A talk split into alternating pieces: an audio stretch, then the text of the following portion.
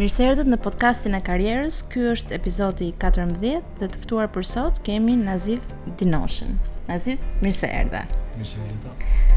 Nazifi është 29 vjeç dhe administron prej 4 vitesh një kompani fasonësh që ka 170 punëtorë dhe Faktikisht, pas mbarimit të shkollës të mesme, ai u zhvendos në Itali, në Kalabri, ku jetoi për dhjetë vite dhe pastaj u kthye në Shqipëri dhe uh, filloi punë uh, filloi punë këtu. Tani do të dëgjojmë uh, historinë e tij dhe rrugëtimin e tij profesional, duke filluar që nga gjimnazi, që nga momenti që ti e le Shqipërinë dhe u zhvendose në Itali. Çfarë ndodhi? Uh, në 2003-shën, pasi mbarova, më fal, në 2005-ën pasi mbarova gjimnazin, pas disa situatash familjare jo të mira, pas një uh, luti familjar, mendova që gjëja më e mirë si çun i ri që isha të largohesha nga Shqipëria. Edhe unë nisa për në Itali, ku atje fillova të punoja në fillim si ndërtim, si gjithë shqiptarët. Mm -hmm. Duke ecur me kohën, ngadalë ngadalë, uh, u ambientova shumë mirë, u, u gjeta si në shtëpi, të them të vërtetën, një ambient shumë shumë i ngrohtë, njerëz shumë të mirë. Edhe u shkëputa, fillova duke u marrë me lokale, gradualisht pasaj kalova me diskoteka, me baret, me gjitha këto për sa i përkiste jetës natës. Organizoja festa? Organizoja, organizoja festa direkte. Merrnim ambientet me qera, kishim stafin tonë me DJ, me me publika relacione me gjitha. Pasaj pas një momenti unë isha me familjen në Itali, ç'është e vërteta, menduam që Ishte momenti të ktheheshim në Shqipëri, të ktheheshim në vendlindje. Pse?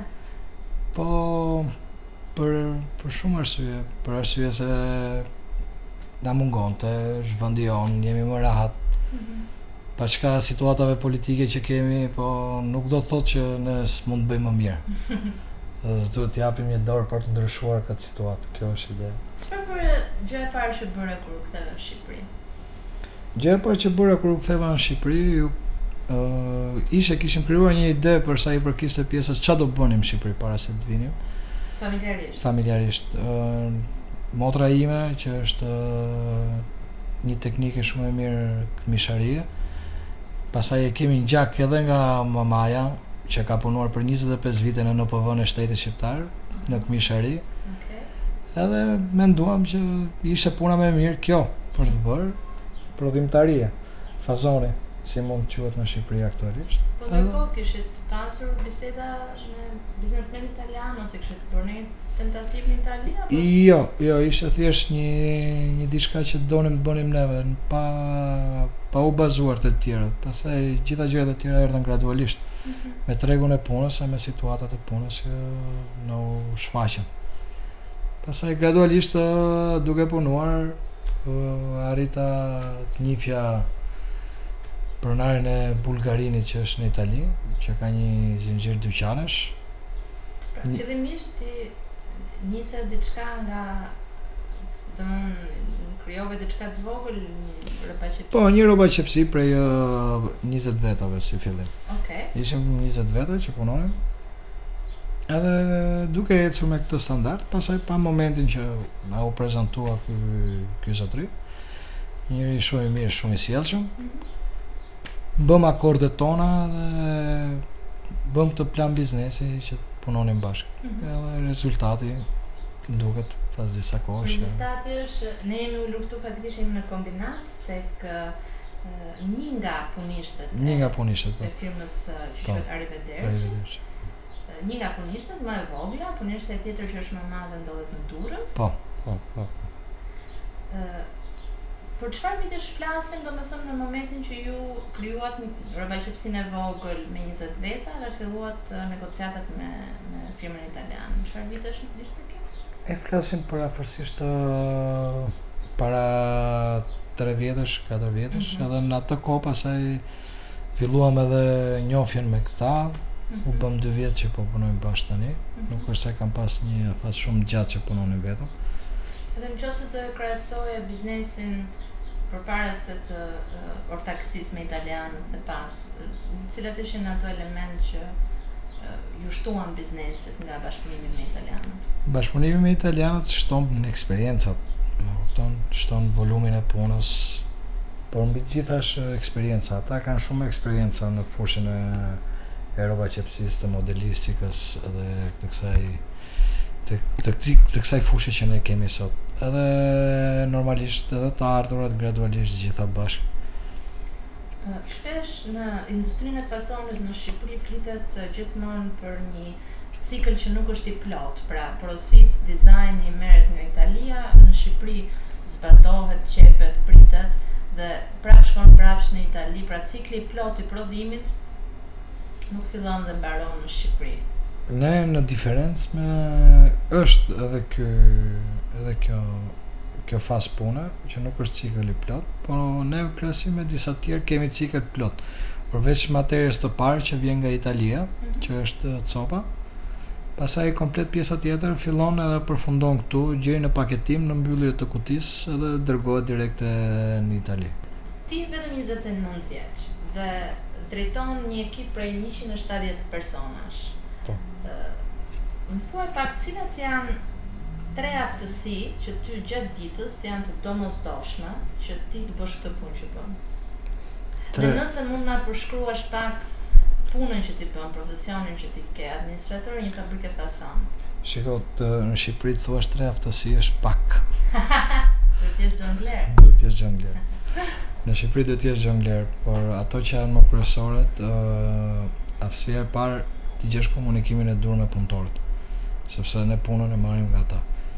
të gjejmë mënyrën që dhe ata t'i bëjmë të ndihen sa më mirë, por duke i lënë të kuptojnë që duhet ndjekin disa rregulla. Mm, karrota dhe kamzhiku, jo vetëm kamzhiku. Kamzhiku nuk dua ta përmend sepse nuk bëhet fjalë në në punën tonë sepse kamzhiku nuk i duhet asnjërit. Por karrotën duhet t'ja japim sa më të pastër që ta kuptojnë që ata kanë një detyrë, ne kemi një detyrë. Është një diçka që pjesa më e vështirë është pjesa e punonjësve që ne vuajmë në Shqipëri, vuajnë gjithë bizneset në Shqipëri për punonjësit për probleme shumë të mëdha që ka e për probleme shumë mëdha, probleme familjare, probleme që s'kan punuar më përpara, probleme se kanë pas të ardhura jo të merituara ose të ardhura nga familjarët jashtë, edhe e kanë bërë pak si vagabond si si vend.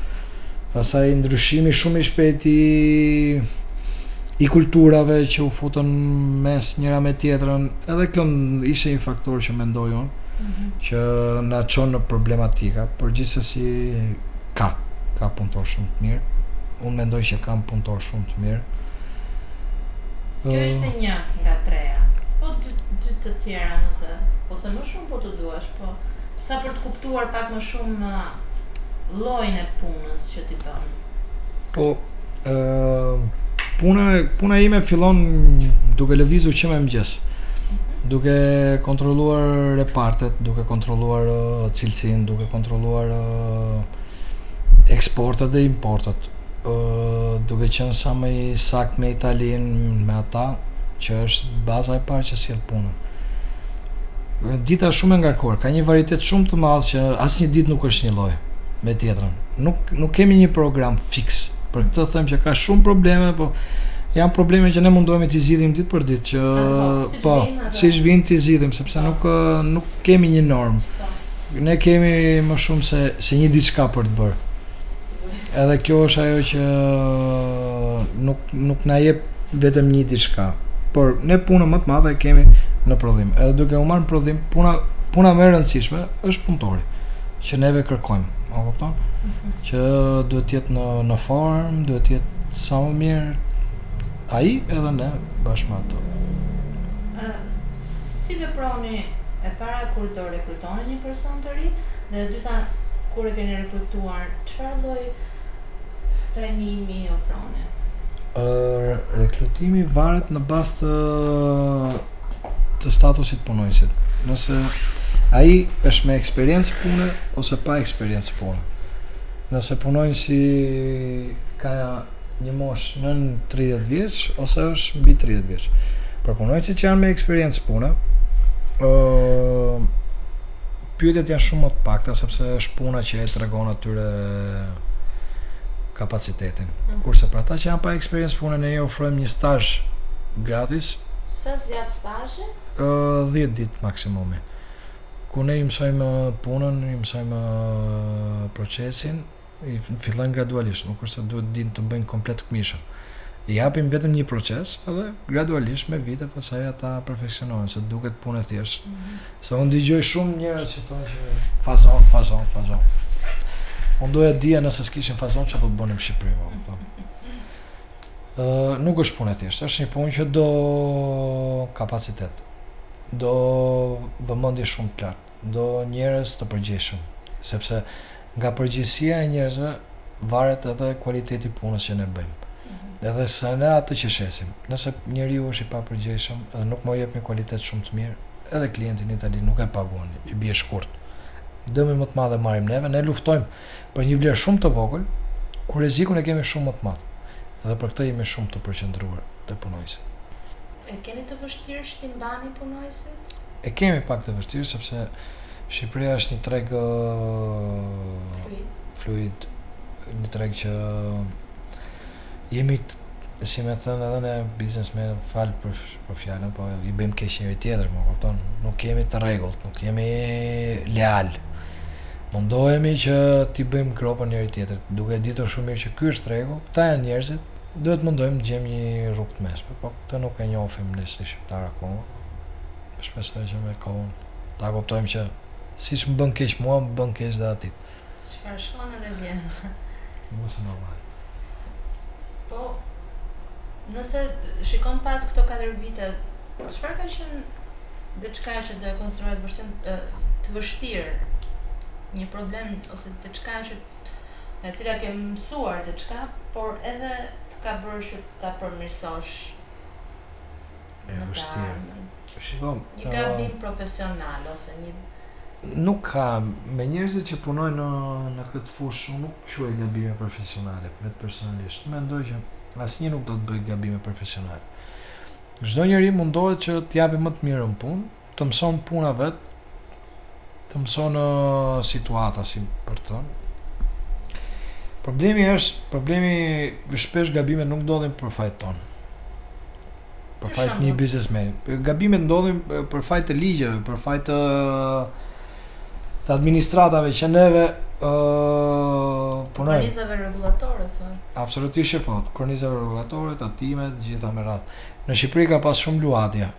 Edhe këto neve na bëjnë dëme sepse jo se ne nuk duam të punojmë, nuk ka vend që nuk do të punojë, më kupton, nuk ka një shqiptar që s'do të punojë, çdo njeri do të punojë, me aq sa di, po do të punojë. Ku është problemi sipas? Problemi qëndron te ndryshimet e shpeshta të tatimeve. Një farë pasigurie që Një farë pasigurie që ne që çdo biznesmen shqiptar e ka. Po. Është një diçka që ai sot gdhihet me një mënyrë, nesër gdhihet me një tjetër. Nuk kuptoj pjesën se një kryeministër për shembull do thotë që nga nesër unë do ju pushkatoj, më kupton se. fundi i fundit ky po pushkaton ata që e votuan, nuk po pushkaton dikë tjetër. Po pushkaton thjesht njerëzit që e kanë votuar me shpresë për ta rregulluar, jo për t'i pushkatuar. Po gjithsesi këto janë zgjedhje politike, çdo njeri mban përgjegjësi për atë pjesë.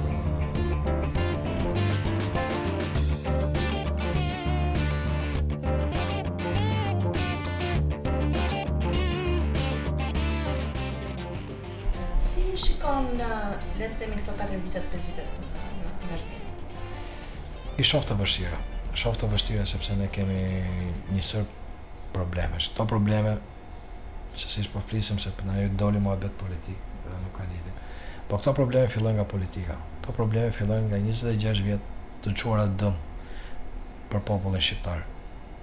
Kjo është një situatë që do shumë kohë.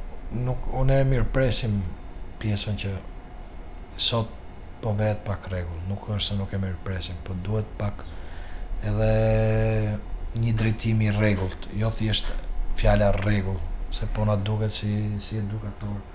kopshti. Do jetë i vështirë, do jetë i vështirë se do ketë ndryshime njëpasnjëshme. Ekonomia evropiane është shumë e keqe në këtë moment. Nuk ka ekonomi të mirë Evropa, që ne mund të themi që mund të përmisojmë, sepse fundi fundit ne jemi një, një ishull i Evropës ku punojmë për Evropën.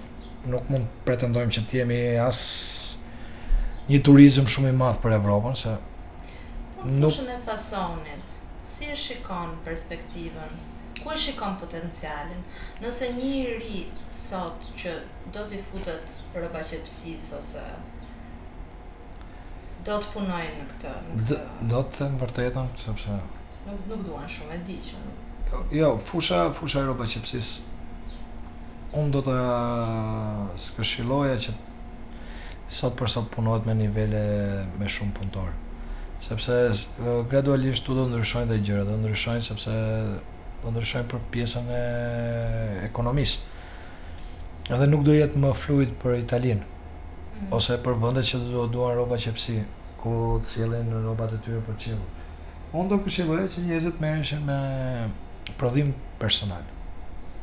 Ku ata t'i dedikoheshin një një pjese që jo me sasira të mëdha, por të punohet mirë për edhe për tregun vendas, pse jo? Se edhe tregu vendas fundi fundit atë këmishë që e blen në Itali 100 euro, e merr me Made in Albania dhe nuk është se ka bërë një ndryshim. Ne duhet të fillojmë edhe të punojmë te ky aspekt që të prodhojmë vetë, të bëjmë diçka sa më të mirë dhe për tregun tonë dhe për tregun ballkanas që ka dhe ai shumë nevojë se nuk është një treg i vogël por për të arritur këtë prap ka nevojë për shtetin gjithmonë gjithmonë kthehemi mbrapa sepse ne në Shqipëri nuk kemi një kompani, jemi i vetmi vend që kemi pjesën më të madhe të të punësuarve në fason, e nuk kemi një kompani që shet makina qepse.